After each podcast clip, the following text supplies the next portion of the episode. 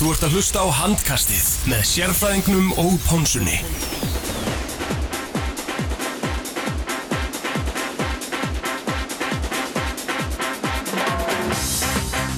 Jú, komið sæl og blessuð og velkomin í handkastið á þessum mánudegi. Það er Teddy Ponsa sem hilsar ykkur og með mér sérfræðingur sjálfur og við erum með tvo góða gesti hérna með okkur. Það er Ásker Jónsson og uh, Dory DNA. Velkomnir músveitlingar. Það er, Hvað segir þið? þetta er bara Þurfu ekki að byrja, þurfu ekki að byrja þetta einu slag her? eða?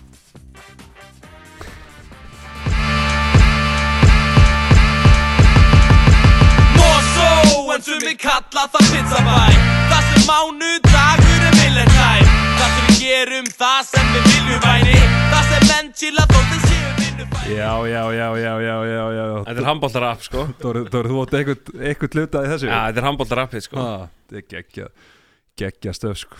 Þið- hvað kvöldum þetta, Mosulspær Anthem? Þetta er smá það sko og Ég veit ekki, alltaf af og til þegar ég detta á leikjum eldingunni þá er alla líkur á þetta lag komið sko. Það kemur alltaf. Þetta er alltaf sko. Það leitur að vera inn í klefa fyrir leiki. og- Já, já, þetta er bara mús og lagið, það er bara svo leiðis hvað er, er þetta hvað, 2004 is eða hvað? Þetta er 2004 þegar þú segir það Í, hvað þetta er gamalt þá maður þetta er alveg old shit sko. Já, þetta er 2004-2005 Já. Ég man að hérna Þú veist, ég samti þetta lag á þú veist, 20 mínútum og tók það upp fekk það á mixi, var alveg, ó, ok það er kannski betur átt að vanda með aðeins en sjá bara var það gett, skiljur Mm. það va- verið valið rapplag ársins á rástöðu þá okay.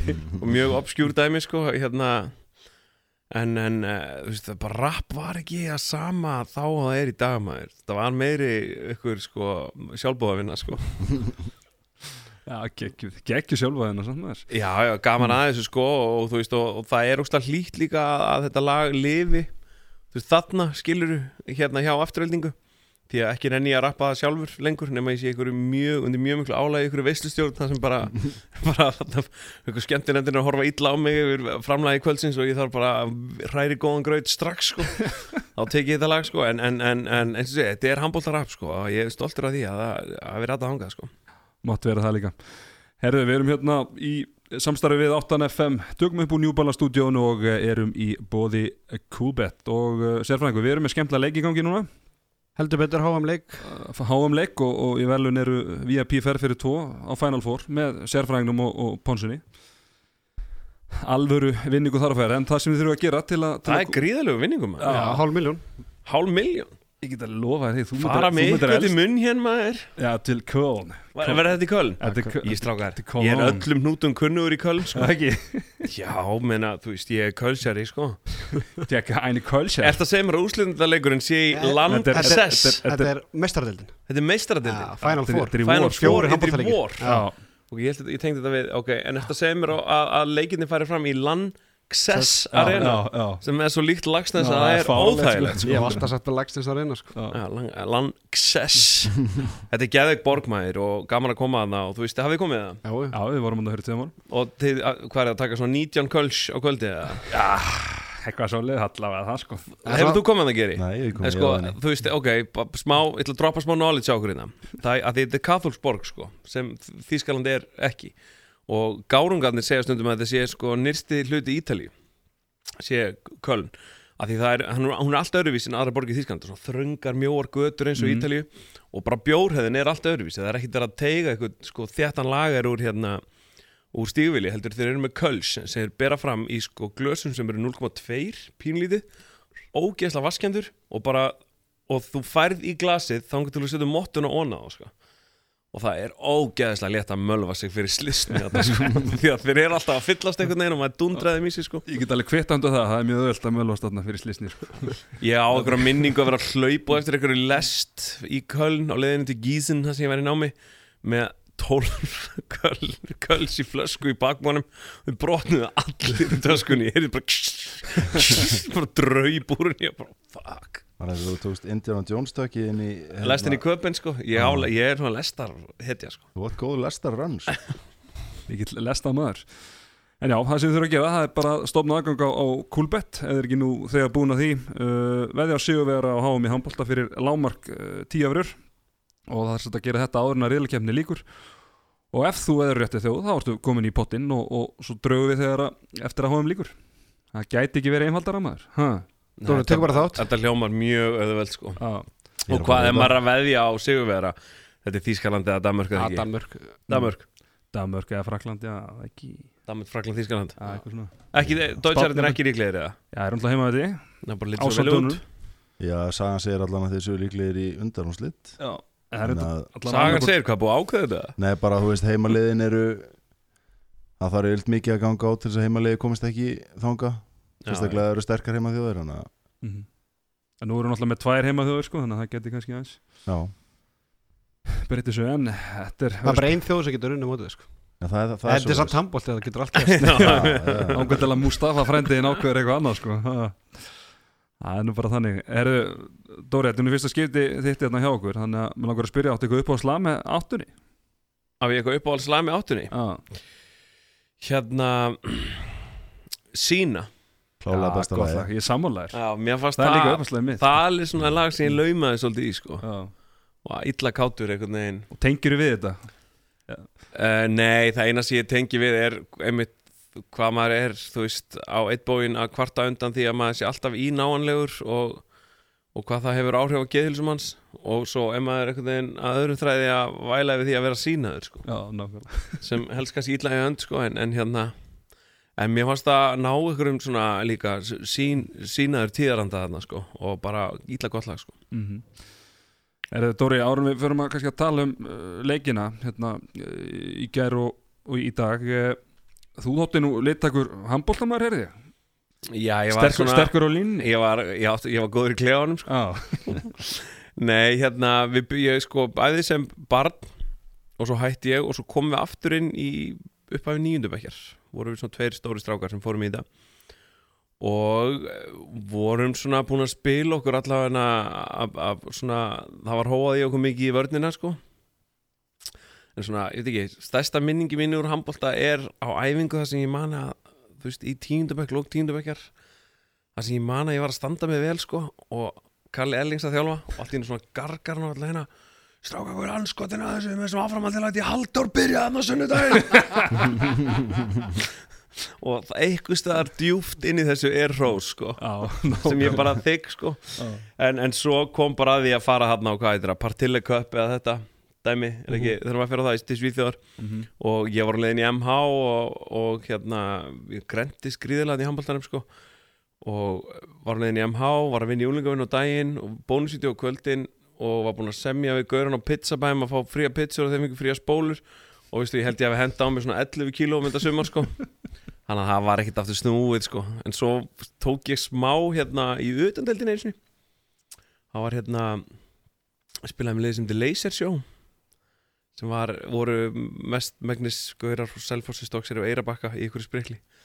Og ég tók að neitt sísón með þeim í ykkur mjög miklum hræsleika en annars bara er ég góður á hliðlinni sko, góður í sófanum geggjað Geggjaður, geggjaður Herðu, uh, ekki að byrja bara að fara hans yfir hérna leikinn sem að fóð fram fyrir dag á móti uh, barinn þar sem að við unnum uh, 36 átján örugu sigur eftir að staðan hafi verið 16-10 í hálfleik. Arnur Þó Gunnarsson markaðistur með 8 mörg og Óla Gummarsson þar eftir með 5 Björgur Páll með frábærleiki markinu 15 skot varinn 50% markværsla og Ágúst Eli náði að klukka Hvað var með mörg víti aftur? Fjögur fjö, fjögur víti og Ágúst Eli eitt þannig að við verðum 5 víti samanlagt sko.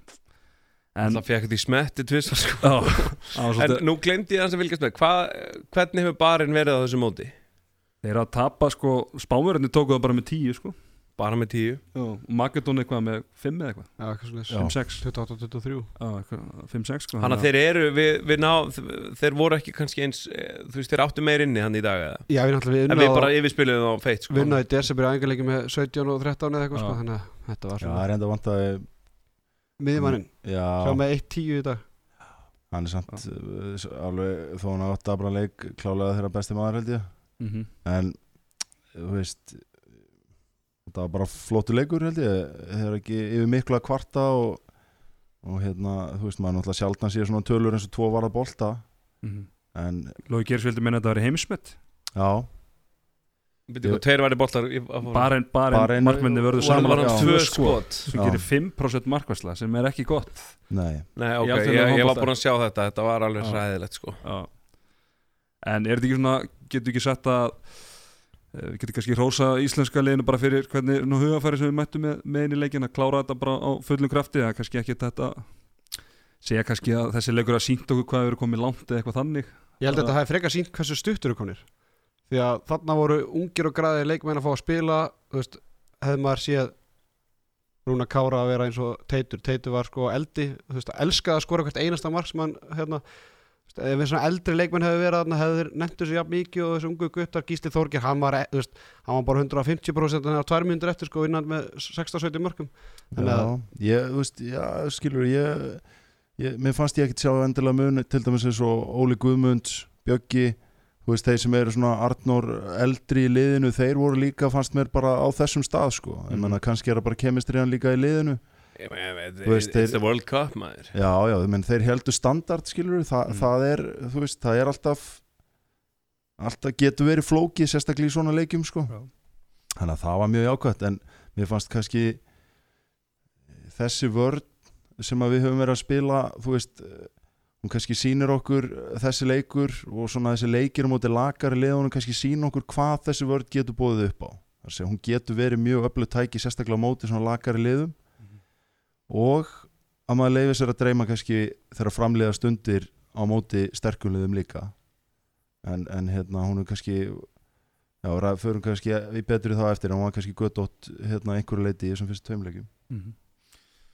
Klármál, hérna uh, eins og við tölum á hann að uh, markmið barinn þeir áttu ekki sko, við erum stundum að kvarta við markuslega en ég veit ekki hvað handbólt á það menn í barinn hafa þá sagt eftir þennan leik en, en það er sko sjö leikmenn íslenska liðsins með, með 100% nýtingu það er ekki oft sem við, oft sem við sjáum það. Það er hérna, er bara Gísli Þorgir Ómar Ingi og Bjarki Mór Elísson sem, a, sem að brenna skoti. Það er Er það ekki draga svo mikið úr þessu? Nei, mögnu tölfræði. Nei, er ég meina þú þarft að skjóta vel til þess að vera með þá tölfræði þú veist, eh, þó svo að markmenni hafi ekkert átt neitt frábæran dag þú veist, þá var líka bara mikið um góð skot og, og hérna og bara vel kláraða stöður þú veist, þetta vor, Mhm. Vorum að koma okkur rosalega mikið í klín skot fyrir utan Já, og menn, gekk og menn þar. þær náttúrulega líka þannig að þú veist Mm. svona lítum svona klaffskot í kontakt veist, Já. eh, þannig að hérna, það, það var vel gert og það sem ég var svona jákvæmt að sjá bara strax í þessum leik þó þetta hafi verið barinn og, og hinleikun hafi verið spátt var að hérna, það, er, og, og það er enginn að segja mér að það hafi ekki verið planað það er að segja að menn voru að nýta árásinir að skýsla betur þegar hann var að binda bakverðina alveg niður. Semst þegar hann er að koma í hérna, miðjárásina að þá voru skittunar að koma á réttu tempói upp á milli tvist og þrist þar sem að Gísli var búin að negla tvisti niður sem að var nokkur svona moment í spánaleiknum en við fengum ekki sko. Sástu við bara í fyriráleik þegar Ómar Ingi kom sé hana- það sagt sko. Já, þegar Ómar Ingi kom hann í eh, klippinguna og, en bara þú veist þetta var það var náttúrulega bara geðugi leikur og hérna og, svona ef við tölum, tölum áfram svona um hérna, einstaklingsframvinstöðu það er náttúrulega Óla Guðmundsson náttúrulega markaðastur í seinasta leik og svo kemur hann inn á bekknu núna náttúrulega lamin í döðlur þarna í, í setnaháleik og bara í, ég veit fór hann í leðrið á hann Þetta var bara, þetta var bara það var bara hæri krókur hann maður. En, Ha. og- en hann kom svo inn aftur og heldur bara áfram og enda með 5 mörg og 5 skotum og næst markaðastur leikmann ég held að hann haldið á 20 mínútum í þessu leik Já, eitthvað, eitthvað svo lis ef hann náði því. Dóri, þú hefur verið stoltur af þessu höggi þarna sem að Já, þetta var, Baran- þetta var, þetta var góð, gott högg sko. Eða ekki, Já, en hann var hérna stunga. Hann náði einhvern veginn alveg að að teleporta þetta í smettið honum sko. En er, er við samt ekki bara drullu ánæðir Þú veist, það er bara tveir ókslega erfiði leikir Svona vandar hestlumunin leikir Kemur einn alveg svona massa confident booster núna. Mhm. Þú veist, ok, við getum þetta Þú veist, ókslega mikið Ókslega vel smurðum kerfum Sem er bara ókslega gott að ná upp á tíu þarna Fyrir næsta leik, skilur Og erum við ekki bara illa kátið það? Já, ég meina það hefði ekki tækt að hefði ekki getað að spila hann að leik betur held ég. Nei, enga veginn. þú veist, maður veist- bara á alla tölfræði Nei, ég meina auðvitað getur verið reynd að týna eitthvað til en veist það sem stendur upp úr er bara eins og hafa allir komið inn á solid framistæða það sem að svona uh, leikliði hérna, framlag frá öllum það er alltaf virkilega ánægild að sjá það þegar allir koma inn og eru með gott framlag. Þannig að hérna og, og það er bara, þú veist það er ekki að fara fram neitt meira það. Mhm. Sen er líka bara gaman að sjá unga leikmenn einhvern veginn svona marka sér sérstöðu í liðinu eða svona búa sér til karakter af því að veist, við erum alltaf erum að kveðja leikmenn sem eru nánast tattúeraðir inn í vitund þjóðarinnar. Veist, þessi er svona, þessi er svona og þú finnst einhvern veginn og þekkir alla þessa gauðra. Og ég held að þetta lið þurfi sko, þetta mót og eitt enn til þess að, sko, að við búum til þessar sömu ímyndir í, í kollurum á okkur. Og mér fannst það í dag einhvern veginn þarna voru gaurar að, þú veist, bara það hann hafi verið slöggaður, farið út á og komið aftur inn á skilju, það er, þú veist, Guðmur búin að vera lengi að það en, hérna, en svona, við erum að við erum að búa til nýjar hetjur núna. Mhm. og mér varst það ganga vel. Já, þú ert spenntu fyrir þessum kynnslóðskiptum sem er í gangi. Mjög spenntur og ef ég á að vera leiðilegur þú veist, auðvitað maður bara einhvern veginn þú veist, ég sakna ekkit gauja sérstaklega mikið, þú veist, ég þú veist, þetta er gauður sem ég var að horfa og spila bara í káa þegar ég var 15 ára, skilju. Þú veist, núna bara 18 ára síðar bara eitthvað viku fyrir mót eftir hann út maður, þú veist, það er bara svo ótrúleitt hann sé ennþá þarna og ennþá spila þessum allt þetta, hann á rós allt skilið en það er líka bara ógslag ferst að fá inn nýtt blóð og það er ógslag spennandi hvað margir að koma bara úr liðum minna heima og svona, og verðast vera eða ekki? Býtu hvað Elvar fór í dag Vitið hvert hann er að fara? það? Hann klára samt síðan hefði ég. Að hann- sérfræðingur Já, sko já, sérfræðingurinn. Þú varst með skúp, þú varst með skúp í síðasta þetta sem, er, sem er nú eitthvað búið að Já, ég er náttúrulega var það að var leiða til, Hannover en, en síðan er Vísi búin að halda því fram að þeirra heimildum er hann ekki fættir Hannover þótt að aðrir hafa haldið því fram en kift undan Djöfisins kallinu sérfræðingur í ég segi bara ekki skjóta sendibóðan sko. hérna, er, nú, þetta er bara annarkvært skjærn og eldran patta til skjærn eða Hannover, það er svona eina sem maður Já. Mann finnst það svona, einmitt, svona augljósi kosturinn einhvern veginn að elda, elda pata til skerinn og, og, og svona, hann haldi áfram með hans framtánu þar því að hann er náttúrulega búin að taka gríðalum framförum síðustu tvö árin hjá Pata og náttúrulega Patti bara heimsklæsað þjálfari.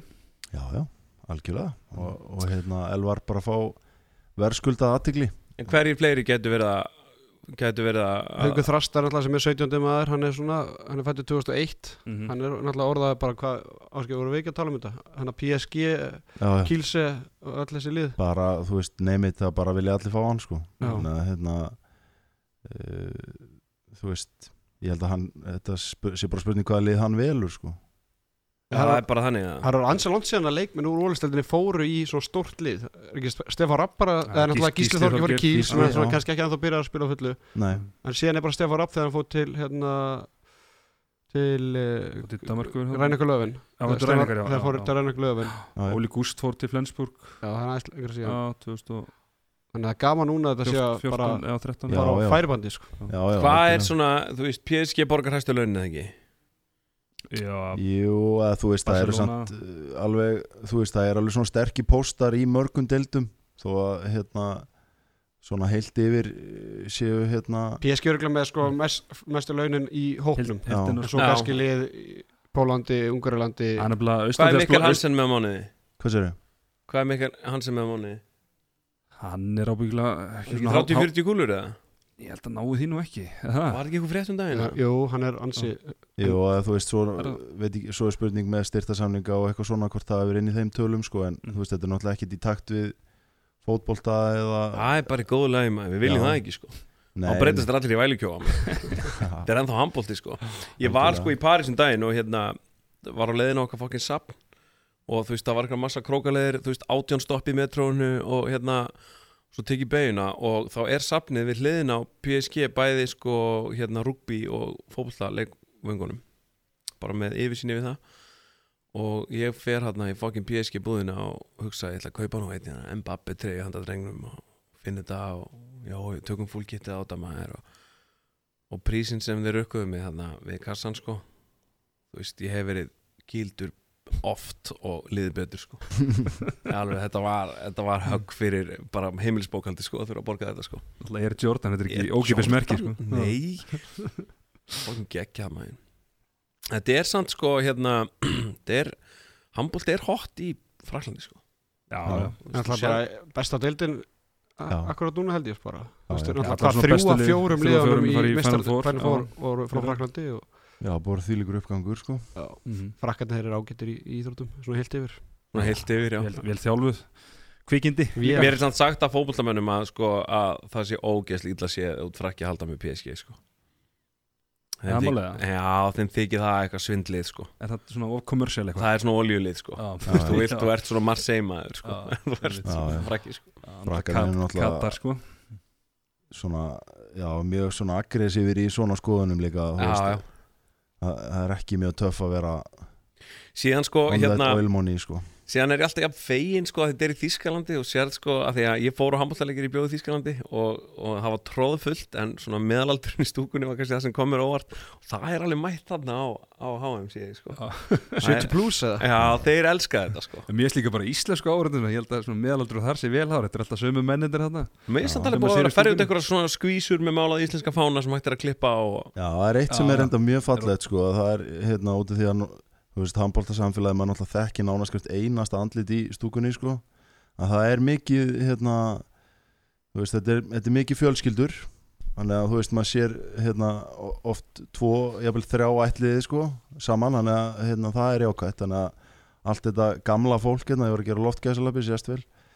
Að, að, vel, sko. það eru hérna unga kynsluði sem fylgja með. Þannig að þetta er bara fallegt og það er bara búið ótrúlega góð stemning finnst manni á þessum leikjum sko. Já, já, bara geggja bara yfirleitt í sko þýskum sjónvarsútsendingum á fótbolta sérstaklega landsleikjum eða bara í búndisleikunni það er svo góð vinna í kamerudeldinni sko og í klippivagninum. Það er bara ekkur skora mark klippum á einkonans klippum á börnin hans klippum á hérna, fyrsta veginn klippum á fyrirverandi eiginkonu. Þetta er, veist, eru alveg með þetta allt sko. Bæri svo í pílunni. Já, í pílun er þið með þetta. Snóker og svo er á tánum, það er alveg það er klárt mál. Uh, erum við kannski að fara að tala um innan leika múti Spáni eða? Já, tableikur, leðilt tala um það sko. Benja, já, reyndar, það er mjög góða punktur. En við þurfum að krönsa þetta. Já, ha. aðeins að krönsa þetta, við töpum 32 25 uh, á móti, móti Spáni þar sem að Óla Guðmundsson markaðistu með 6 mörg, Aron Pálmarsson þar á eftir með 5, Björgvin Páll með 9 skotvarinn og Ágúst Eli 4 uh, geri það er nú gaman að skoða tölfræðina þegar maður er að svona rýna í leikina eftir á. Og það sem er kannski það sem að maður svona uh, horfi fyrst í að uh, spáverarnir tapa einingis 5 boltum og við erum að tapa 11 já. en samt sem maður sko við erum með 41 löglegt stopp. Við fáum svona okkur 32 mörg já sko, hérna þetta er nefnilega áhugaverð tölfræði ekki bara hérna útráði hvað stoppin eru mörg og, og kannski hvað skilu okkur litlu heldur, mér finnst þetta endur spekla svolítið dómgæslanu sem var í gangi í þessum leik að einhverju leiti í, nú erum við búin að spila þó nokkar leiki fyrir þetta mót og við erum búin að vera svona í þessar aggressífu vörð gegnum gangandi með svona í kringu 30 fríkost. Uh, veist, ég veit að það var rætt svolítið mikið um dóngislana eins og í HM-stofun og svona og þú veist, eftir að skoða þetta aftur þá finnst mér, veist, fjórar af sex fyrstu brottisónum eitthvað svoleiðis bara vera þvæla, ég verð bara að segja það. Og það sem að hérna, kannski meira máli skiptir er spánverðarnir er náttúrulega eru klókir bara og maður vissi að þeir myndi spilina leik. Þeir fengu endalust tvöfaldansins og þetta endur spekla það líka. Það er að segja að þeir spiluðu gríðalega langa sóknir og fengu endalaust tvöfaldansins Mm. þess vegna eru fríkostin svona mörg.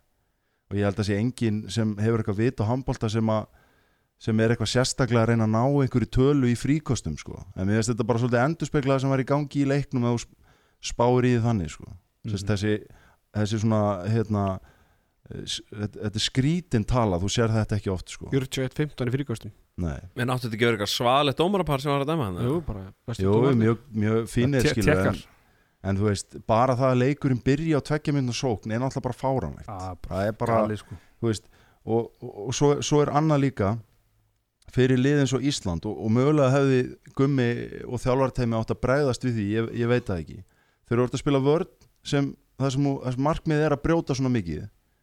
Og, og þú ert með svona rosalega soft línu þá, seg, segir bara tölfræðin okkur það að ef þú ert með 41 broti fríkast og þú ert að fara út af fyrir titlingaskít að þá ertu kannski að fara út af í 15 hverju fríkast eða eitthvað. Og það er ekki tölfræðin sem vinnur með þér þú ert að spila svona vörn þannig að hérna, mögulega hefðu þeir átt að breyta línunni þú veist, bara út af þessu en það er erfitt að breyðast við kannski með þetta eitthvað í huga og þetta er ekki eitthvað sem kemur upp þá. En mér fannst þetta að vera skrítin lína. Ég er ekki að segja að vera á þau úslitum en þetta var eitthvað voða handbóltalegt sko. Við vorum samt inn í leiknum svo lengi sko. Já, að hérna, að þú veist, það var kannski ekki eitthvað svona alveg hrópandi að fara að breyta eitthvað þar og maður var alltaf bara að býða eftir að svona eitthvað myndi detta með smá okkur skilurðu. momentum Já. svona, já, það er svo að Bjöggi kastar þarna fram við getum mikkað í tvö þarna en tímíndur eftir. Sendingin er, er komast inn í, send, er komast inn í sendinguna. Og svo fara þeir í sóknu þá nefnitt fá þeir eitthvað tvisar tvöhaldan sjens og fríkast og hendin uppi og þeir miðjumæður fær boltan og hann reynir að fara í gegn og hafa fríkast og aftur og þá tekur hann stöðuskot og skorar. Þá voru búin að vera standi í vörðinu rúmlega 1 og 1 og 15 sko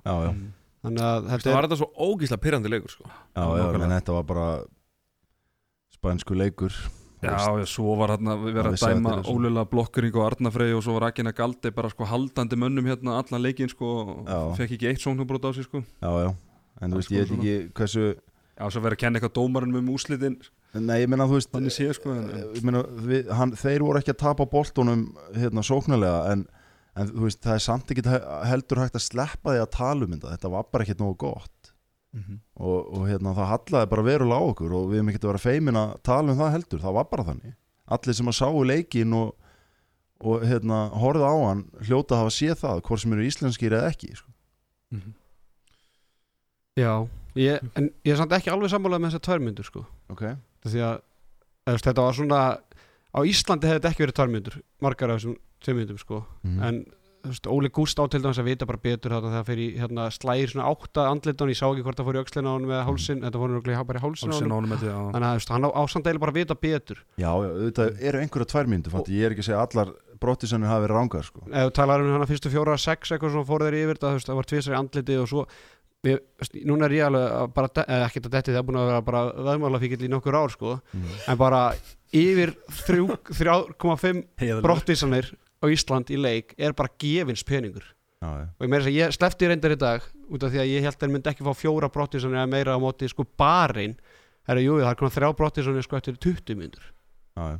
þetta, er bara Íslendingarnir bara gegnum tíðina bara Sverri, Jakob, sko Vigni Sváðsson það var alltaf bara hleyjað á honum bara það það var alltaf bara, hérna, bara drikkjuleikir í partíum hvað Vigni Sváðs myndi endast lengi inn og að hann fengið tværmyndur þannig að þetta er bara orðið eitthvað svona Er það ekki líka bara svona af því að við Eðlið svona, bara. svona, já, eðlið og bara svona þetta er svona vilt 6-0 svolítið sko.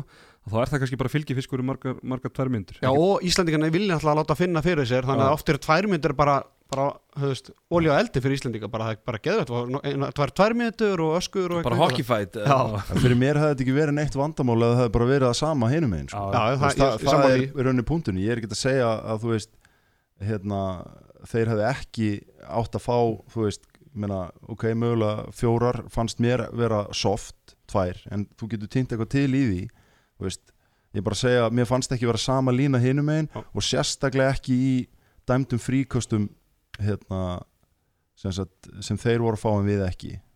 En eins og ég segi þetta er ekki úslitum sko. það hafði samt áhrif. Samtmál, heyrðu, uh, ef við fyrir svona í einstaklís framistöður, við rettum aðeins á hann, Óla Guðmusson, hann átti náttúrulega frábær einkom í þennan leik eins og bara, eins og á móti barinn í, í dag. Er ég að bulla eitthvað? Eða er svolítið búið að Hefur ekki verið beðið eftir þessu svolítið? Óla. Guðmus, Jú Það er kannski svona pressan er hans minni, minni, á hann er hennu náttúrulega í minna Já. hlutverki sko, hann náttúrulega var að spila bara vörn og sókn allt Bara síðasta mót, 50 mínútur bara hvernig einasta leik í vörn og, og, og byrja sóknarlega líka sko, þannig að svona ábyrðin er kannski farin aðeins að hörðum hans og hann er bara kannski le, le, sko, leika að lausum hala núna og er bara, hann er að sína sér og bara með næ, næja orku líka. Já, ég meina hann var, hann átti samt gott mót síðast og Já. fannst það að vera mótið þar sem hann svona svona einhvern veginn loksins losnaði við svona einhvern veginn óhefnis klaufa stimpilin sem svolítið hafi hangið yfir honum. Og, og mér fannst hann sína svona raunverulega hvað hann er góður í handbolta á síðasta móti. Og, og mér veist þetta að vera bara pínu áframhald af því sko. Óli er er hérna bara flottu leikmaður og, og gríðalegur fengur fyrir landslið að fá hann loksis í gang sem er svolítið búið að býða eftir kannski. Hann er bara meittur og eitthvað ekki? Jú, jú, alltaf. Já, Jú, jú, líka og hann líka bara, þú veist hann er bara þroskast og, og hérna og er bara Hver er hann flottur. fættur? 90 mótil. hann ára Pálmars ólust upp í hafnafjörnum í Kaplakaríkan, Já. Óstöðandi. Djöfull er Aron Pálmar góður Ha? Hann er ágætur. Já, já, Nei, hann, hann er ógæðislega góður maður og Hann er ég finnst það svo, svo mikið playmaker einhvern veginn og þú veist já, já. þessi lestur sóknarlega bara mar, mar, marga leiki fram í tíman einhvern veginn og hérna fyrir utan náttúrulega bara á móti spáni náttúrulega smurðan honum tvisar að fjóru sinum eða ekki hann í saman Jú, en einu hann- sinni bara á á Kró, 100 Króatíu, það var þarna, 115 ára hann að smyrja hann svolítið duglega. var sko. það 115 á móti króti Já, hann síðast dróð mótið hann hann og kyrstuðu þarna. Já, svo átti hann alltaf samt, sko, var ekki síðast skotið á hann spáni sem Var við sam, eh, er í örugglega fjær. En ok, var hann var samt með marga hérna, tapaða bolt í þessu leik en sko þrýr, allan á tveir á þessum boltum með alveg stykki á línu.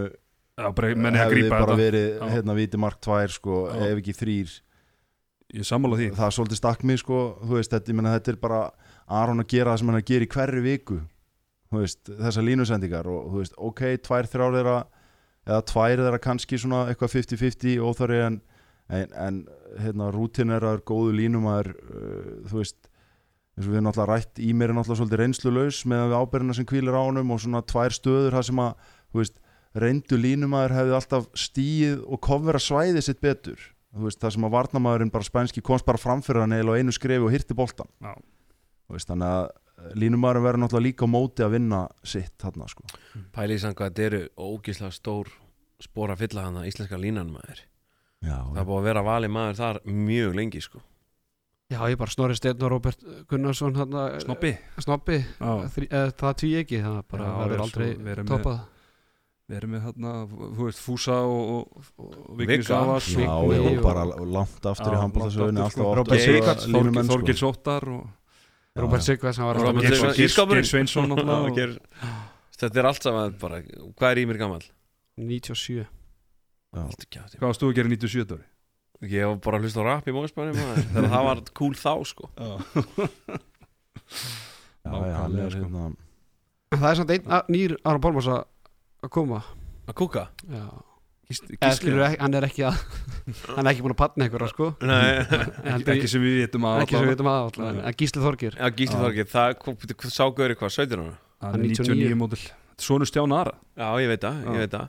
Já, í rauninni ekki bara, þú veist, einn heldur tveir, ég meina Haukur. Haukur er Argjúbli við jafnvel bara enn nefnilegri sko. Það er að segja bara koma úr kriganum og hafnahörðurinn og, hérna, er að fara sömu leið í, í, í gegnum Og Gísli kom til Kílskólann Kíl, og- hann fær ekkert að spila það strax, eða? Já, hann er búin að, búin að glíma við meðsli hann var eiginlega búin að spila tölvöld meira að það var ekki búin að vera eh, hérna búin að vera glímað misli hann Já. er svona aðeins öðru sér leikmæður en Aron var á já, Og- náttúrulega og hans hann aldri. Allt, allt öðru í leikmaður, Já. sko var skeðið hvernig Logi Gesson kólaði þetta í hálfleik í, í gær þegar hann bara vildi fá Loga, nei, fá Gísli inn á og sagði bara hann, bara hann vinnur þessa gæja einn og einn, hann kom inn á og bara á hann er ekkert eðlilega fljótur á sem fyrsta skrifið hann þegar hann tekur hann fytum til hægri og, beint, og strax tilbaka sko.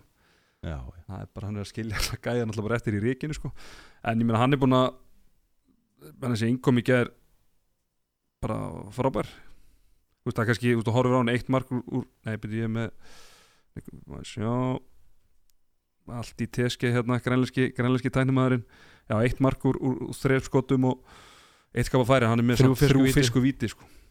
já, já, og þú veist, skapa eins og ég segi stöður sem við hefum í rauninni geta nýtt tölvört betur já, og ég held að sé hérna uh, þú veist, þetta er náttúrulega aftur bara einn spátn og allt það en við vorum náttúrulega vorum að nýta breytin á vellinum miklu betur og, og það er náttúrulega klálega eitthvað sem maður sá það bara strax að það var eitthvað sem hafi verið lagt upp með líka í skipulagi fyrir leikin og, og, og það var eitthvað sem við, við hefum og, og, og hefum bara þurft að gera betur í tveimur fyrstu leikunum sérstaklega þegar að leið á. Mm til þess bara einfallega eiga breyka móti svona ótrúlega sterkur liðum. En þú veist það er valla hægt að tala um þetta móta á þess að koma inn á leikjaskipulaðið þetta er náttúrulega er, er til einhvað handbóltalegra heldur en uppröðun á leikjónum í öllum riðlunum? Sko í öllum riðlunum eru tvær sterkustu þjóðirnar með eitthvað drauma prógram framan af. Og það er engin tilviljun að það sé sama setupið í hverjum einasta riðli.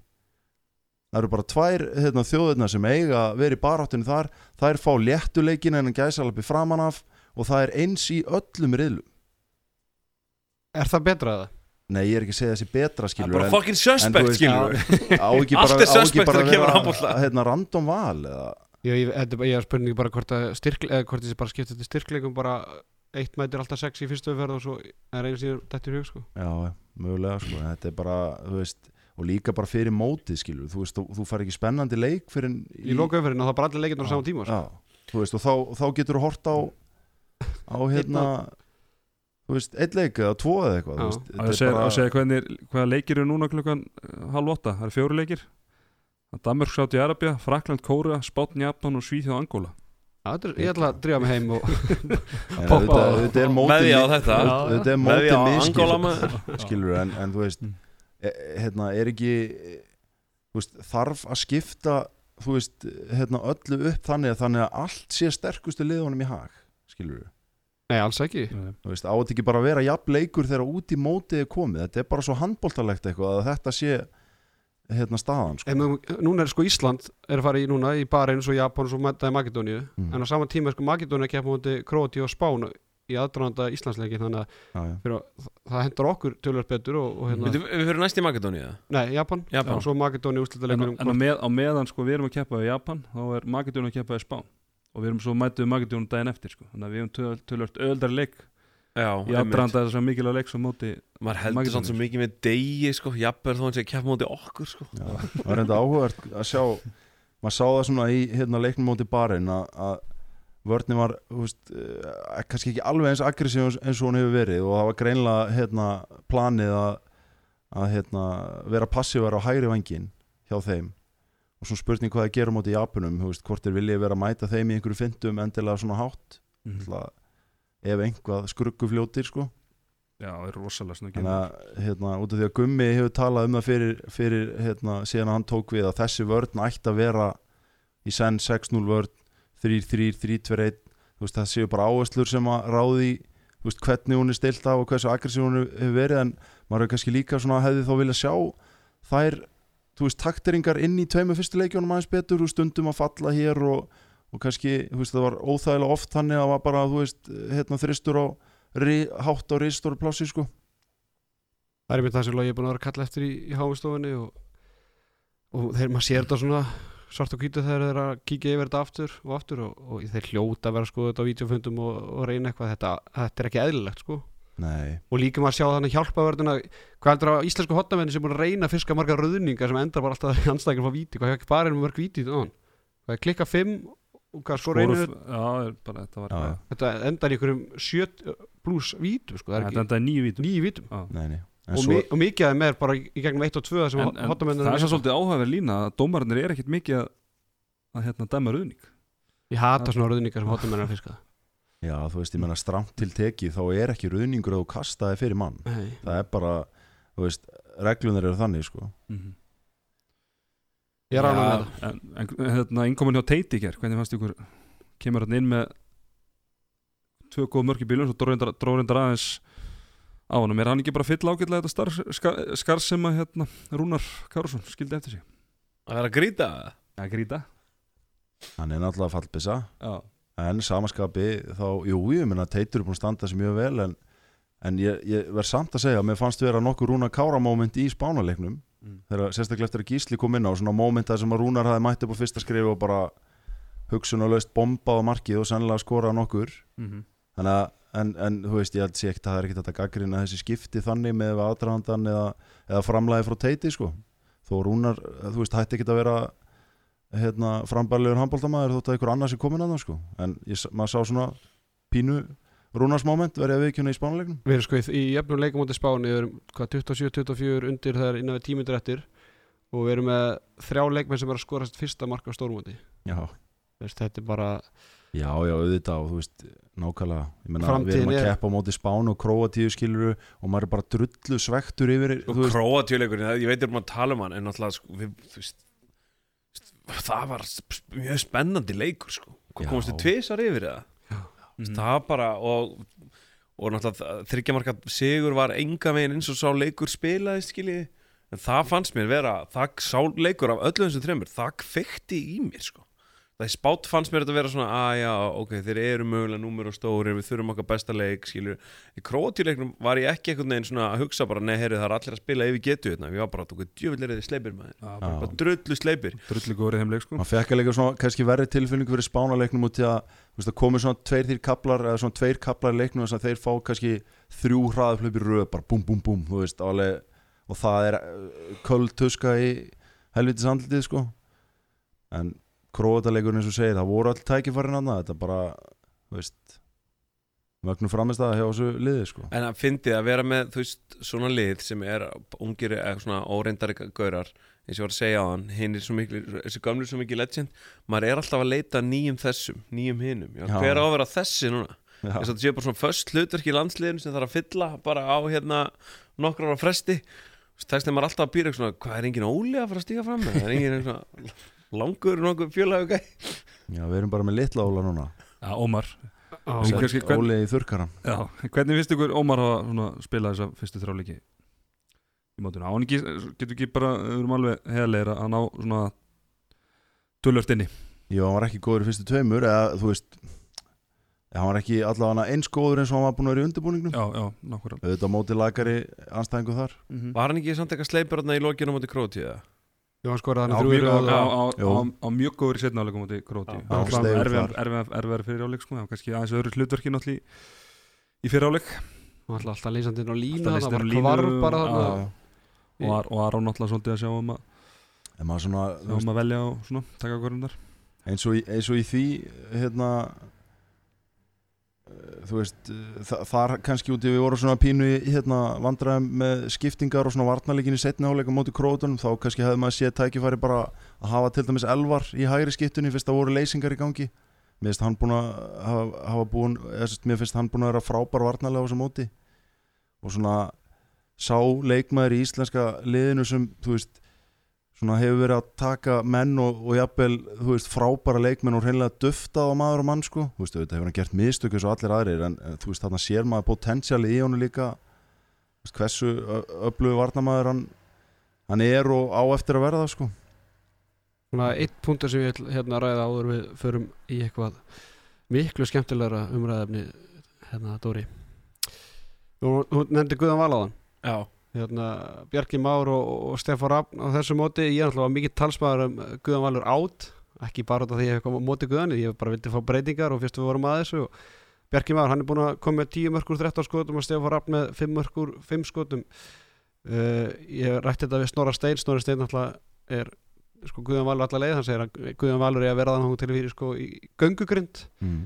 og hann talar um náttúrulega þessi hraðaflismark sem Guðjón Valur bara býr til á sín bara IQ-ið hans er bara hann er bara góður að stela og næri alltaf sem ég held að hann örugglega skorað eitthvað 5-6 hraðaflismark í þessu leik eitthvað sem Bjarki og Steppi kannski er alltaf skrifin eftir eða eitthvað Mm. en við kannski bara skorum á einhvern annan mátaði staðinn er ekki Bjarki og Steppi búin að standa sér betur en kannski maður að vona eða, eða hvað er, þetta, Jú, er kannski ég- bara gæðin Já, ég held það, ég held þessi bara gæðin og hérna, þeir eru bara búin að vera mjög flottir og í rauninni hefði bara viljað sjá það báða að fá miklu meira að gera í þessum þrjum leikjum sko.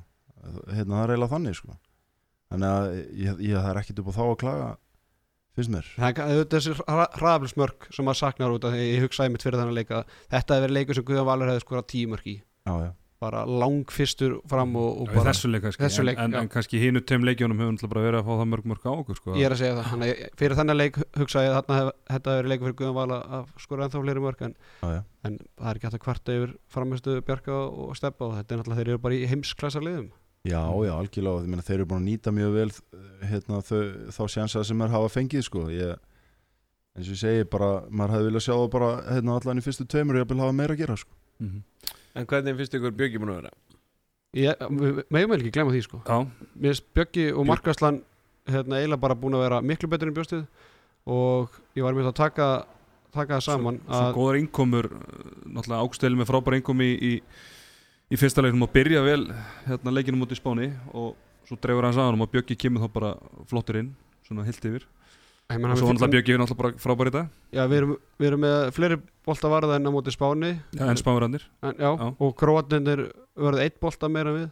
Mm og svo er voru margbennir í barinni hitt ekki alveg á sin besta dag í dag og, og Bjöggi hendur í 50% markvæslu þannig að það er ekki hægt að kvart yfir honum og ég hendi smá kyndingu á Twitter fyrir mót og benti á þegar það var myndað að taka með keilunni. Gummi Gumm hafi ákveðið að taka þriða markmanni með og Bjöggi lækaði það að þannig að hann er að fylgjast greinlega með og, en hann, þeir geta verið bara ánaði með sitt framlega til þessa. Já, ég meina það hefur verið svona tröppugangur í þessu þú veist, auðvitað náttúrulega ekki einn sterkur anstæðingur í dag en það skiptir samt ekki máli ég meina Björki átti bara geggjaðan leik Já, vonandi á hann geggja að leika á morgun, nei, á móti Japan og þá, en alltaf Makedóni leikurinn er Já. leikur sem skiptir máli, Já. þú veist, þá þýr ekki að þetta bara þrjá fjóra varðabólta. nei, nei. mér fannst svona, þú veist mér fannst hann kannski þú veist, í spánaleiknum hann var með góða spretti, mér fannst hann svona vera svolítið pyrraður og, og kannski, þú veist, með fókusin og mikið þar, þú veist, það voru alveg boltaranna sem að, hérna, það sem að vörnin hafði getað drullað yfir hann eins og, eins og hann var að, þú veist, orkun sem hann var að setja á móti sem voru, þú veist, beinskot eða, hérna, eða breytt utan að velli á nærhóttni og svona sem að, sem að, þú veist, eru markmannsboltar en, en hérna, það sem er jákvætt er að, að, þú veist, framistæðin í dag og bara vonandi að, að þessi tröppugangur haldi áfram, sko. Hvað verður bara með 60% varða bolta á morgun. Já, já. Það og bara tíu, tíu viti Það var svo 70 á móti magetinu En þú veist, verður ekki að ræða þessa steipu sem var í gangi í vítónu hjá barinn Já, hva, hvernig getur þú skotið í hausin á markmannu fjóru sinni Þetta var Hvað þeir fengu bara eitt raukt eða eitt í skipti, eh, það Hann var rautt á Þá líka bakkaði hinn dómarinn hann upp og sagði að hann fengi hendina og svona alltaf fór hann í hausinu honum inn þannig að loka viti fyrirháleik Já, þá beigði hann sér reyndar Já, þá var þetta skauta bara en svona er- meina- ef að bjöggi í stað þá var þetta líklega að fara í pungin á honum sko, það var, En þú veist, er bara Það er engin að segja mér að þetta sé eitthvað tilviljun sko. nei, En það er heldur engin að segja mér að Aron Kristjánsson hafi lagt upp með þetta Bara dundraði smetti á Já. hversu pyrrandi er samt, þú veist, að vera að þjálfa lið á heimsmeistaramóti sem þjálfari og þurfa að vera að díla við þessa þvælu og, og brotin sem voru í gangi og brotisannar og rugg Já þegar gæinn fiskaði vítu og fekk tvær myndir í kjölfarið Já, og bara, þú veist, þetta í andlitið og bara, þú veist, eitthvað svona, eitthvað rugg Já, Já, var ekki maður heyrði líka bara í leikliðinu Já, það leikliðinu. bara no red card sko. Láttu að vera já, bara já. bara no silly fouls, no red card En hérna, er eitthvað lið á mótinu sem er Dark Horse eða? Er eitthvað svona að koma óvart hérna? bara svo erfitt að segja og Já. Angola, Já, unnu Ah. kættar Unnu kallar, já já. Bara í þessu tölu ára voru rússandar að gera réttaflega í Þýskaland Rússandir, Já. ok. Þeir voru góðir maður. Þeir voru góðir. Já, já, en þeir enda mistu öfluga leikmann rétt fyrir móti en, Atman. en það er hérna það er skellur fyrir heimamenn maður. Já, já. 2022 og Old school býtir þá ekki bara, markatala. bara Brasilia Rússland er þá líklega úrslutaleikur bara um hérna, sæti millirili? Þeir Taka það hmm. Rúðki Ruski, ruski Brassandi voru að vinna Serban í dag 24-22 Þannig að Býtu, Brassarnir er alltaf svona verða svona fjögbrúst betri okkur einasta móti. Það er, það er alveg uppsöfnað Það er það ekki? Jú. þeir eru, það er framfæraðna sko. Þú veist, við erum að tala um eftir svona 16 ár er við með eitthvað killa lið sko. Það er Samba. Samba handbólti Samba handbólti sem enginn á róði þá er þetta ónýtt fyrir okkur allæðin í. Norður-Európu Það var þetta búið sko En herri, þá- næstu þegar við tökum upp uh, Við möndum spila tóleikið þangu til. Við hefum sem sagt uh, leika mútið Japan klukkan hálf þrjú á uh, miðgudaginn og svo hefur Makedónuna klukkan fimm á fimmdaginn sem verður á öllum líkitum úslita leikurum hvort liði fyrir milliril uh, Dóri, er þetta ekki bara tveir svoleitt sigrar eða? Þetta eru tveir solid sigrar, þetta er íslenska leiðin inn í milliriðil sko. það er eitthvað svona virkilegt stress framan af auðvitað á Makedóni leikurinn eftir að vera drullu tvísít skilur, þú veist, ég er bara, ég er úr leikusinu skilur, ég kann að byggja upp drama, ég veit alveg hvernig þetta er gert og, og, og, og þú veist, Japan verður, þú veist, ég segi ekki walk in the park skilur, en það verður, þú veist við spilum okkar leik þar. Makedóni leikurinn, við eftir að missa hann á okkur tíðanbúti og svo sleikja hann í lokin sko. Alveg það, það, það er hérna það er helviti hættulegu leikur maður. Það er hérna, þeir spila 7 og 6 allan tíman og gjössanlega sko, ef, ef að spátn var að hérna, vanda sig og króta að drepa tempói sko, þá er það bara lifibröð hérna, makedónska landsliðsins sko. af, svona brjótum tempo og, neða bara myrða tempó sko. Veist, það var bara svo fyndið í þessum leik á hann sko, Kroatia hérna, Makedónia sko, þá, ætluðu þeir að spila þann leik á móti Kroatíu sem náttúrulega bara hérna, tók bara speill á þá gerði það sama og þeir gerðu nefnum bara þúsund sinnum betur og völduði yfir þá en hérna Makedónia, þetta, Makedónia Ísland undanfaran ár hafa verið hörku leikir og þetta er alveg því líkt verðut verkefni þessi leikur sko. Mhm. það, Það verður geggjaða leikur Já, ég meina við verðum og, veist, það er svona klassísku leikur við verðum að fá markvisli í þeim leik út af því að veist, þeir eru í 7 og 6 það verður mikið af svona þú veist uh, já, ég meina bara eins og króðarnir voru að fá þú veist, markvisli í byrjun og það er svo hættulegt að þú lendir þú veist, kannski 2-3 mörgum undir á móti svona liði og þeir eru alltaf í 7 og 6 þeir eru bara alltaf tempóið þú veist, og fyrir liðin svo Ísland sem vill ná að keira upp hraðan þú veist það getur verið svo eitru blanda sko. En er það ekki bara betra fyrir okkar að þeir færi 7-6 Nei, Þetta er bara- okkar hefur náttúrulega verið bara betra mútið 7-6 eins og krótunni Og fóru 7 og 6 og verður aðeins þéttari og, Og á var líka. Já, jú, ég meina svona fögur fyrirheit með það sem við séð veist, þannig að hérna, og Gummi kom inn á þeim í viðtölum eftir leikin og var ánægður að sjá það að 7 og 6 hafi hérna, vörnin hafi verið að standa vel þar. Jú, það getur verið það en, en það var líka hérna, það var líka reynst okkur erfitt á mótið þeim áður þannig að hérna, en náttúrulega annar lið, eh, hérna, aðri leikmenn líka núna. Mhm. Absolutt uh, Herru sérfæringur, ekki bara hendi upp á slið hlustenda? Jú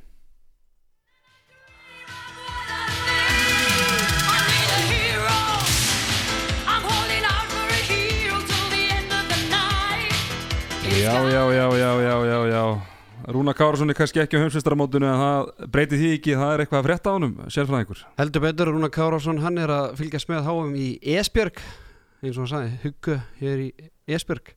Herra, hann var virkur á Twitter og meðan leikstóði áðan og hann að hann, ég ætla að lesa hérna tvítið þar sem hann eh, segir að eftir þrjár vikur í ferðartösku og leikskólaleysi sopnaði fjölskyldan í ein rúmi. Allir í leikskólan og kúfmaskínan sáum rest svo kallað huggu hér í Esbjörg og Rúna Kárásson það er ekki búið því að hann hendi í annað tvít sem er svolítið skemmtilegt þar sem að hann gerði hashtag Bjöggi Dans Challenge er það að fara að trenda Það er þetta geggja að dansa þig að bjöka svo voru að tala um er, ég spila ekki Fortnite var þetta Fortnite dans? Nei, er hann ekki svona Það eru nokkri til, sko. ég spila ekki Fortnite Ég er meit 7 ára sem er að spila og dansa sko. Er það? Hann er þú ekkert að dansa ha, nei, mér finnst það úst erfiður leikur sko. Það- þetta það var ekki að Ég, ég, geggja ég, dans ég þekki ekki hvort það hafi verið Fortnite dans eða ekki Nei, þetta var það, ég þekki eitt Fortnite það sem er, já Já. En þú veist, Það er ég erfitt sá að ekki sem er í gerist. núna Þegar hann varði þann bolta, fór það líki í hausin á honum Allavega nálatunum Já, Var ekki, var, var þetta ekki hraðablöpi allavega Jú. var þetta döðafæri. Nei, var þetta ekki bara gamla góða exit, bara jetin já, hm. já. Ég, ég, ég manna það ekki, hann allavega dansin stóð upp úr og hann Já. líka ég held að hann að séð að kameran var á sér og hann hætti smá og tók svo aftur dansin Já, það er er sko. Þetta já. var gaman að þessu Herru, Við erum að hilsa til Esbjörg já, algjörlega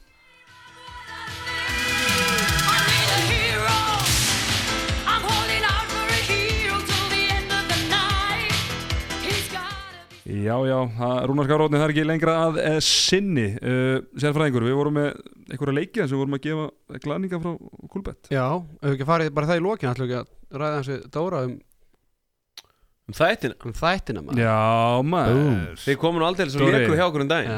Já, stórleikur Þú ætlar að vera rosalegir Þið voru, við okkur Já. vantaði vönustum mennina Það var rosalega dómarileg holning á okkur Já. fannst mér. En svona, já, við erum sagt, ég, við, það er í starttólunum að, að gera þætti sem gerast í, í handbólta á Íslandi, í handbóltheiminum og fjalla um svona gam, gamla, gamall legend sem hefur svona bæði var legend í landsliðinu þjóðhutja og svo fór í þjálfun og svo svona kvarfan eiginlega eftir eitthvað skandal einmitt í skjærn sko í sögunni.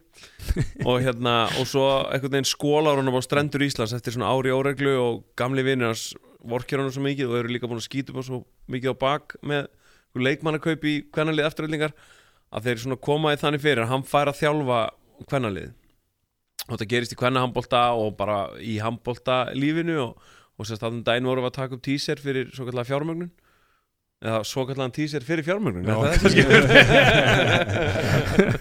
svo kallaða fjármögnun Já, já. Einmitt, og þá komið þið til og Geiri er að, er að koreografa handbóltatriðin fyrir okkur sem ég verð að segja komu einstaklega vel út Mhm. Thank you, shit. og hérna, og núna er þetta bara, þú veist, það að finna peninga sko, er vesen en Er þetta, ykkur fulli vasa fjármögn á þessu dæmi eða? Já, já, við erum með einhverja handrukkara sem er tilbúin að setja í þetta einhverja halva kleinu og svona, nei, hérna Það er bara að ræða. Við, hérna, nei, sko, þetta verður á rúf og ég býst við að við förum í lok þessa árs í tökur Ok. erum að fara erlendis eitthvað að kynna þetta uh, er verðum hluti af einhverju apparati þú veist og hérna og við erum bara lengi að skrifa þetta bara vanda okkur ógeðslega mikið endur skrifa hend út heilu, heilu söguþræðunum finna nýjan hérna, uh, veðmál koma einmitt við sögu í þessu þú getur Já, gefa okkur einsýn þar Já, ekki hvernig er máli. að tapa öllu sem það er á og bara stuð og stemning og hérna þú veist, mér finnst merkilegt með við hvað handbólti er heitur á Norrlundunum þá hef ég aldrei séð neitt sko sem gerist í þú veist, ég aldrei séð handbólt að setja hann á svið fyrir sjónvarp sko. og mér finnst svona eins og við setjum einir að þessu ennþá sko og, og þannig gæti þetta, þú veist, átt upp á pallborðið í Þískalandi, Fraklandi Norei, mér að hvernig handbólt í Norei er miklu stærri en kalla handbólt í Norei sko. Mm. við, við erum með norska samframlendur og þeir eru bara hérna, þú veist í, við vaskjælinn í vinnunni á mánundegi var bara sástu spila í gær og það er bara hvernig liðið var að spila Þetta á tímabili var þetta þannig í Danmörku líka Anja Andersen og Já. það er þarna voru ég held að sé þetta búið að snúast við núna það, það voru launar ekki miklu á en launari og það er bara miklu starra sko. Mhm. þannig að hérna, máttu segja hver er að leiki í þessu Sko, já, já við, Ingvar Sigursson leikur okkar mann sko og hérna og, og, og hann er náttúrulega kannski ekki handbóltamæður en hann hefur fucking holninga sem handbóltamæður sko. það er Mhm. geggja holningu í þetta sko. Hann er svona eins og þegar hann var í special Já. þá er mitt svona, þetta var svona, ég veit ekki, hérna gils eða já algjör það rosalegt, Gilson sko. sko. Þetta með svo geggja nefnilega eftir að við vorum að hérna, leiki í þessu að, með honum hérna og, og fleirum hérna að það fór í bíó bara daginn eftir á hérna Fantastic Beasts Hann er í henni. Heyrðu, hann er í henni, veist, að var að leika með mér og sérfræknum hérna á Já. sunnudegi og svo mánudegi horfðum maður á hann og það var bara með Johnny Depp og Jude Law. Sko hann er fun heitur fyrir þessu Já. sko. Hann bara getur ekki beðið og bara, þú veist, ætlar að fara að sprikla og eitthvað svona. Og það sem við tókum ekki eftir á settinu skilur er bara, þú veist, þú sérði ekkit hvað er í gangi og hann er bara að leika. Síðan þegar við fyrir að skoða tökurnar Þú veist, þá er hann búinn að setja í holninguna eins og hann hafi, þú veist, lendi í sjö krossbandameðslum og axlameðslum einhvern veginn. Þú veist, er allir einhvern veginn svona svo skakk hjól, hjólpinótur hjólbinóttur en samt alveg með svona kassan fram einhvern veginn alveg geðutur ykkur og alveg geggjaður. En svo komistu að því bara að hérna og það var eiginlega eftir ábendingu frá Geira bara gangi ykkur vel að þjálfa leikun upp í þú veist, handbólta 1 og 3 sko því að þú veist, þú getur verið algjör íþróttamanniski en það er bara eitthvað í öxlinni skilur og hvernig þú klárar skot eiginlega sem you can't fake sko. Þú veist, það er svo mikill munur að þú veist, kasta svona eða Mhm. slumónum sko. Og hann að við svona lögðumst bara yfir svolítið það leikonur, einn ein þeirra voru við alltaf með í huga sem heitir Svandi Stóra Mhm. sem leikur stórhlutverki í þessu og, hérna, og hún spilaði eh, lengi og bara looks the part. Og svo var það bara oft leitamaður og langt yfir skamt svo hérna, þú Saga Garastóttir vinkona mín sko, sem ég bara er umgengst tölvöld mikið sem allt í hún var ég bara eitthvað svona herru, spilaði þú ekki handballa? Jú, hún klífa tvítug Já, var þetta í, Grínlandi, hlustaði það og við myndum að tala um glæstan handbóltafyrir sem þar Já. einmitt og hérna og meina Ég lík holding á hann í þessum trailer Já, og hún gat, hún, meina, hún var af og til af flummonum inn, fallega, sko, Já, já, af puntalinni, sko. Og svo, þú veist, eru, ég veit að, að það veit ekki margir og við höfum ekki tala við hana neitt, en, en skilu, það leikur beint við. Ég held að hún Kristín Þóra, sem leik til dæmis í andið eðlilega núna og hefur verið að leika í borgarleikusinu, veistu að ég er ekki frá því að hún hafa verið Íslandsmeistari með val. við erum aðtöða það. Ég held það, Já. ung, í hotninu, lítil og nett, sko. Og hérna, hana, það er, they are out there, sko. Já, já. og, og það þarf að finna þessa típur sko, og bara ef ykkur er að hlusta á þetta hérna, sem tegul sér geta leikið og spila handbólta þá við, viljum við alltaf vita alla. En bara það sem hefur verið svo geggja við þetta er, þú veist, að við erum að við erum báðir, sko, Hatti Hafstedt Gunnar sem er leikstjóri þáttana og meðhöfundur og hérna hérna, hann spilaði með val í gamla dag, þú veist, mikið af gaurum sem hérna, spilaði með mikið af gaurum sem eru orðnir eitthvað flottir í dag, sko eða voru flottir einu sinni og hættir alveg flottir núna. Hann er ekki alltaf, gauði held ég.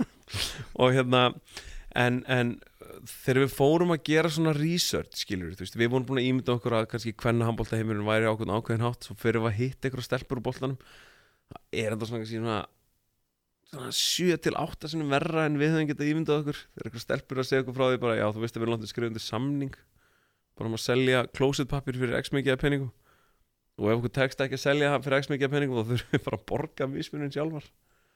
Já, þú veist Þetta er þess bara, þetta er bara svona. Að happandrætti smiðarnir sem þarf að selja og þú veist, selja Já. flugelda og og einmitt bara sögur frá okkur um stjórnum sem eru bara, herrið, hérna við eigum hérna 60 tíðuskrona innkaupakort frá hagkaup og við þurfum að selja þetta á tveimur dögum, bara ef við ætlum að bara ná að borga reikninga á mánuðamótin Mm. og það fara bara einhvern veginn allir í síman að selja þú veist tíðuskrona inneignarkort í hagkaup og hérna stelpur sem að fara út í atvinnu mennsku og svolítið dagað uppi þær og það það bara tala við velunar liðsins til að borga þær aftur heim og, og hérna til að borga bara gjaldið til að skipna um lið og Já, já. og svona þú veist, þetta er svolítið þetta er ekki preachy þáttaröð skilur enga megin skilur, en þetta fjallar samt sem um af, af gamla skólanum sem kemur inn að þjálfa stelpur af nýja skólanum og í því liggur árekstur þáttana, skilur Mm. en þetta er samt sem aður, þetta er drama, þetta er grín þetta er smá spenna og svona hattikunni það sem hann hefur gert á annan veg hérna Paris Norðusins og svo hún undir trénu. Þetta er allt af sama meiði þetta er skilur mannlegur harmleikur en hann má hlæja þessu öllu sko.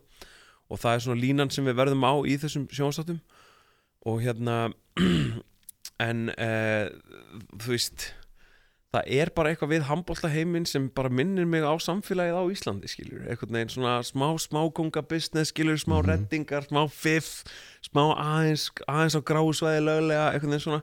Og finnst við finna bara allt sem við þurfum í þessu og hérna við gleymið ekki svona þegar við sáum að einhver frangatastjóri hjá okkur félagið við rekin og við erum, það er frangatastjóra sem er típa hjá okkur og við erum svona heila smá uppbólstípar okkar en við slísi sko sjáum eitthvað frangatastjóri rekin og það er ekki gefin bástað og við þekktum gæja hjá félaginu sem var rekin og ringdi mér og við sögum sko hérna, okkur var rekin Segja, já, svona hann var mikið í því að kveikja litla smáelda sko til þess að geta mætt og slögt á sjálfur og það rýmaði bara svo vel við allt sem við vorum að gera þarna skilur Shit. með einhverju litli gaurar að starta Það einhverju er svo problemi. gott koncept sko. Að vera að vinna með þá taktik sko. Og fá svo hérna viðkynninguna fyrir að hafa slögt. Já, en það, það er eitthvað í þetta sko en, en á þessu ári fyrir að draga til tíðinda þá förum við að, að kynna þetta betur fyrir fólki og, og Hvernig fáum við að sjá tísirinn? Tíserinn er bara á leiðin á neti, bara hattir á fokkin Tenerife og þarf að klára eitthvað eitt dæmi skilur þá geta allir glast yfir þessu sko. Já, maður fann nefnilega, held ég, hérna, mjög góð tilfinningu fyrir væpinu Nú ég sé nokkrar útgáðar á og Þetta er, þetta er geggja Það var gott stöf hérna, og ég get sagt bara, við getum bara sleið í föstu að við látum handkasti á á net, netarm handkastins frumsýna Já, trailerin sko. Yeah, ekki ekki að Það er stórt. Það er stórt Það sko. kom, þar komum við við sögu. Verið glögga áhörfundur En hvenær fáum við að sjá þetta á, á þækinu? Er þetta rúfið ekki? þetta verður rúf og hérna og bara, veistu hvað? 2020? Sko, Hatti Gunni sagði mér eitt og ég er alveg písir kvikundagerð og hennan sagði mér eitt, hann sagði sko veist, við fögnum þessu að við séum að fara að gera þetta þegar búið er að milli fara alla peningana og íta á rekka á kamerunni. Þá vitum við að þetta sé að fara að gerast en ekki fyrir sko. Já, já. og það er bara þannig, þú veist, ég er bara stóra þáttur að þessu trip sem að bara fara í tökur í næsta mánu það var verið að blása það af eða fresta því í einhver tíma. Í þessum heimi þú veist, þegar út með samstarf millir margra landa og peninga og getur svo margt gerst að, að, að, en ég er aðurlaus ég er ekkert eitthvað að deyja, skilur þetta kemur bara, býði bara. Já, já, og ég býst við að fyrir mig tökur í lók þess árs. Geggja Þetta er geðugt Geðvikt Já, ég er vel peppaði fyrir þessu sko. Hmm. Herðu sérfræðingur. Þú varst með yfir eins og yfir hérna uh, leikjunum sem við vorum með núna á, á uh, Twitter og Facebook þar sem að hlustundu gáttu giska á markasta leikmann í uh, leiknum í gær og í dag Já, Það var einn leikmaður í sem- einn þáttakandi sem var með þetta rétt í gær. Já það var Viljálfur Geir Hugson, leikmaður gróttu. Já, Það var svo eini sem spáði að Ólaður Guðmundsson er þið markaðasti leikmaður Íslands gegn Spáni afheld í einhverjum 200 þáttöfundum þannig að Viljálfur Geir hann á inni glaðning hjá Kúlbett. Það var aðeins fleiri sem gisku á að Arnór Þór Gunnarsson vítaskipta íslenska landsleisins er þið markaðastu gegn Barinn og því drófu út fjóra einstaklinga. Það er Guðmundur Egil svo er annar leikmaður gróttu Leonar Þorgeir Harðarsson Gunnlegu Bjarnar Baldursson og Gísli Páll Helgason sem fá einni glaðning. Mm ég held að við tæfla 300 mann sem Það tók er þátt ekki í hérna þessu. sem var í Þór og breyðabliki fótbolta, ekki? Jú, sennilega, Já, ég held að sennilega. Ég Það ekki? held, jú, ég held að það sé alveg örglega rétt um mér. Já, já, hmm. hérna nú fer sérfræðingurna að detta upp á flugöll Já, sérfræðingur þú ert að fara á, á síðust tóleikina Já, Þannig að grænleiski tæknumæður mun sjáum þetta hérna á 15 Já, Besti tæknumæðurinn Já, Hvað hérna, að það sérfræðingurinn ekki komið spá fyrst þannig að leiðin út? Spá?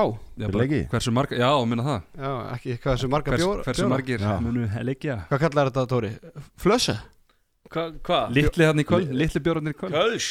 Köls, Köls Köls Herri, ég held að hérna, Ísland vinni Japan með 10 plus uh, og Makedóníu leikurinn verður hvað er það, 27-24 fyrir Ísland Já, ég ætla móti að segja Makedóníu. Þrjú, fjögur eitthvað Það Ekki, Dóri, ertu ekki sammálaða? Ég er illa sammála hann sko. Mm, það ekki Jó, ég er bara það. undir þetta sko. Mhm. Geiri, Gekjað, geri Spá. Spá Já, ég er, ég er hérna, sammála, ég heldur reyndar að hérna, það væri kannski uh, ég hugsa að það geti eftir aðeins meira skorað bara til við höfum verið að fá mikið á okkur þannig í, í svona í öfnum leikjum en, en já, ég, ég- svona mín tilfinning er sama, einhver staðar hérna svona þryggja fjara, hérna, jafnvel upp í fimm marka sigur uh, við þurfum uh, funheita ketti í búrinu. Mhm. að ná þessu. Ég er bara kvitt undir þetta allt saman Ha. Herðu Þetta var bara alltaf. Já, þetta verður geggja sko. Svo hérna, verður alveg skellilegandi næstu helgi og millirillar og, og gleðið maður. Herðu, Mósels bræður, bara takk hérlega fyrir komuna. Takk fyrir kjærlega fyrir komin, fyrir að fá. Sérfræðingur, þú skemmtið þig vel úti. Já, takk ég læra það. Herðu, hann kannski þakka fyrir sig. Við sjáumst á F50 daginn Arnar Daði og Teddy Ponsa með þér í handkastinu